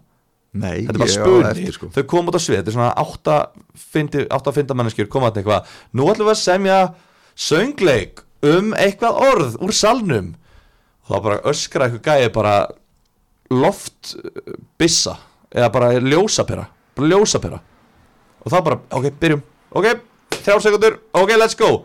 Svo byrjaðu bara að tala um ljósaperur og semja leikrit um ljósaperur og svo kannski faraði í hlið kom aftur. Nú ætlum við að semja söngleik út frá okkur orði og það er bara hérna eldhúsrúla og þá bara byrjar ekki bara eftir að semja leikrit söngleik um eldhúsrúlu og það er kannski bara einhver ég man ekki hvernig þetta var síðan, það var þetta ekki söngleikur núna í síðustu en það einhvern tíma var bara einhver að spila píanóið og þau bara syngja, eða ekki píanóið og þau bara þurftu að semja lag saman og syngja það og þetta bara, þetta var svo ógeðslega fyndið og ég grét úr hlátri og ég vildi að hlustendur getur farið og sé þessa sýningu sem ég sá en þeir geta það ekki. En þeir sjá bara einhver aðra geði fyndna ég er að segja sýningu, það, þú veist. Og ég farið, farið þrísar á svona sýningu held ég og bara ég hef grátið í öllskiptin já, ég bara trúi að þetta sé svona fyndið ég verð að fara að drífa mig sko. Það væri til dæmis ótrúlega gaman ef að hinnir lélegu fantasímenn og frábæru improv menn myndu bjóða fantabræðurum á þessa sýningu það væri ekki dæðilega gaman. Ef við myndum fara bara fimm saman á fremsta bekk og ég held við myndum grenja saman á hlátri sko. við værum bara, þetta var átakanlegt. Já, ég væri til. En mér langar bara, þú veist, ræði þetta. En váka þátturinn var langur, óvart. Þegar það var 50 myndir búnar þá var þátturinn búinn sko. og ég er svona, ok, vá, við erum bara geggjuð tempói. Við Mm. klárum þetta bara á klukkutíma. En nú er komin klukkutíma 20 eða eitthvað svo það er bara góðu tími. Það er að- landstíkili líka fólk verður ekkert að gera um helgi Fólk verður ekkert að gera nema að hlusta á okkur félagana. Góðum gýr sko. Já, herru, það var ánægilegt að vera með Takk Við rífumst eitthvað, kannski kannski erum við að rífast út af Aroni. Sennilega, hann er Hann- að búa, búa til eitthvað svona væp Svona hattusvæp Hann er hérna litla batni og mamma, við erum mamma og pappi Já, og hann, veist, hann segir það alltaf. Hann er hérna, mér líður svo mamma og pappi sé að rífast eitthvað svona. Já. Kannski er batnið eitthvað bara sem ekki gerpi. Hann er bara, kannski er hann bara óþólandi Aron er ljúfast að sál sem ég hitt á æfinni Þú veist, við erum að, þú veist Það er ekki tími til þess að rækta sambandi þegar barnið er alltaf með sko. Einmitt. Svo bara þegar barnið er í pössun eins og núna Já. Þá bara erum við endur nýja kynnin og bara Við- rækta já, sambandi Við viljum bara ræða þetta og við viljum geta gert það án þess að vera með eitthvað Arsenal glerugna glám hérna. Já, bara, að, bara annarkvært orði bara eitthvað en hvað með Týrni hann er ennþá góður. Þannig að, nei nei ég segi svona ég er náttúrulega elskar. Við Elskan. Við elskum allir Aron. Hérna, já þá er þátturinn bara búinn. Uh, ekkert meira um það að segja. Ég heyri ykkur aftur eftir svona 6-7 vikur með að við, með að við uh, söguna. Ég hlakka til að hlusta því í næstu viku. Já, bara Ég vona að þú komið bara sem fyrst aftur. Já, við sjáum til. Sjáum til. En hérna bara, já, bara ánægilegt heyrjumst í næsta þætti. Takk og bless